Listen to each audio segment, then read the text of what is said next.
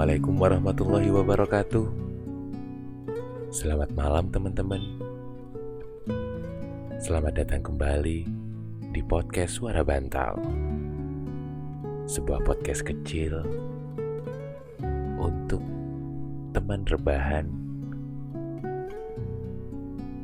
yang mencoba disuarakan oleh Wildan di sini dalam rangka menemani menuju waktu terlelap kalian.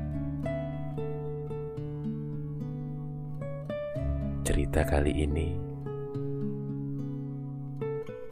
menurut saya masih ada kaitannya dengan episode kemarin.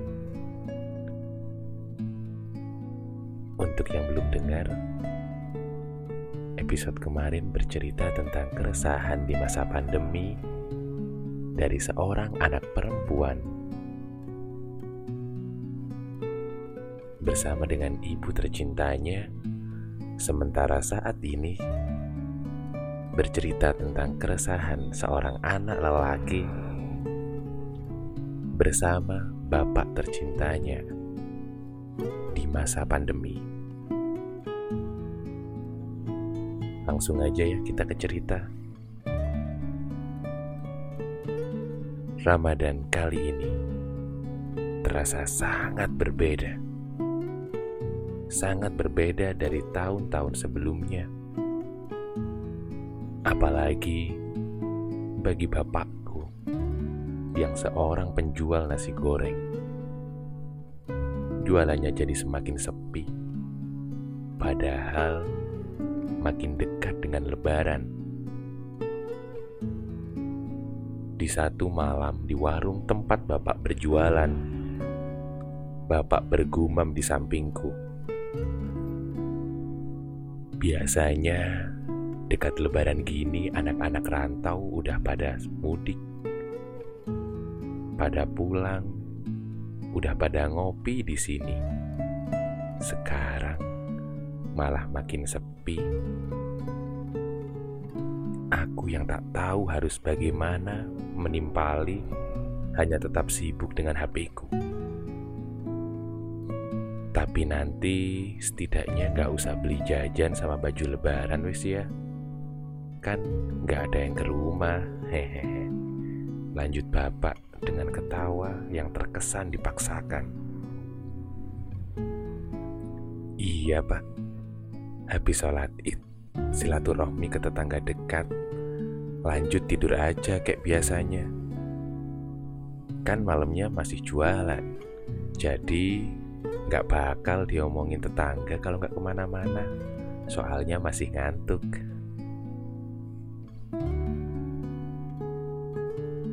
Sedikit jawabanku.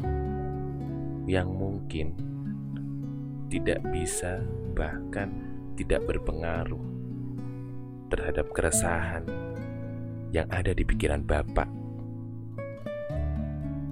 Tak tahu bagaimana efek PSBB bagi kalian terutama yang berasal dari keluarga berada, mungkin tidak terlalu berpengaruh, tapi bagi keluargaku yang jualan malam ini hanya untuk makan esok hari. PSBB begitu terasa dampaknya. Di satu sisi PSBB diadu, uh, ditujukan untuk meminimalisir penyebaran virus ini. Tapi di sisi lain, PSBB seakan mencekik keluargaku agar lebih menahan rasa lapar lebih sering dari biasanya.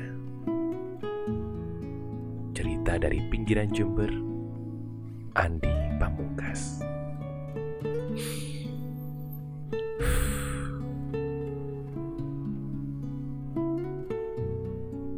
Sebagai cowok, saya cukup emosional baca cerita barusan.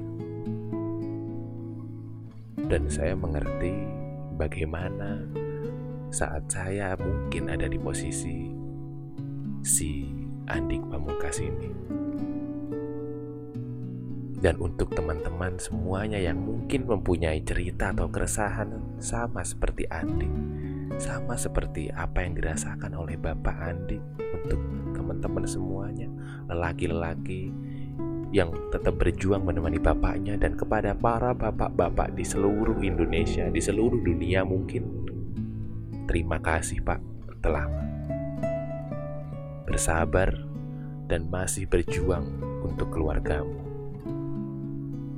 Terima kasih sekali lagi Andi Pamungkas yang telah berbagi kisah dan semoga selalu diberikan kebaikan, diberikan rezeki, diberi, diberikan keberkahan di setiap usahanya.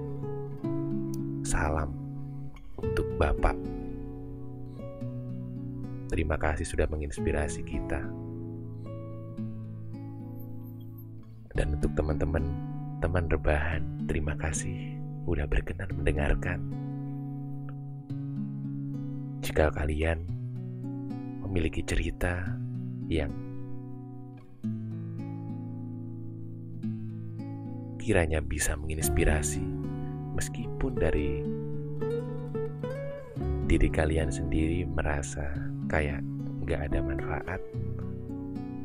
Coba kirim aja ke sini dulu siapa tahu akan berbeda dirasakan oleh pendengar yang saat ini sudah mulai menyimak secara serius di channel podcast kecil ini. Langsung aja teman-teman yang pengen mengirimkan ceritanya bisa melalui WhatsApp di 0822 45000 995 atau bisa DM di Instagram aan.visa atau juga bisa mengirimkan ceritanya di email suarabantal@gmail.com. Terima kasih telah mendengarkan. Sampai jumpa di episode Suara Bantal berikutnya. Saya Wildan. Selamat malam. Wassalamualaikum warahmatullahi wabarakatuh. Jangan lupa berdoa dan pakai headsetnya sebelum tidur.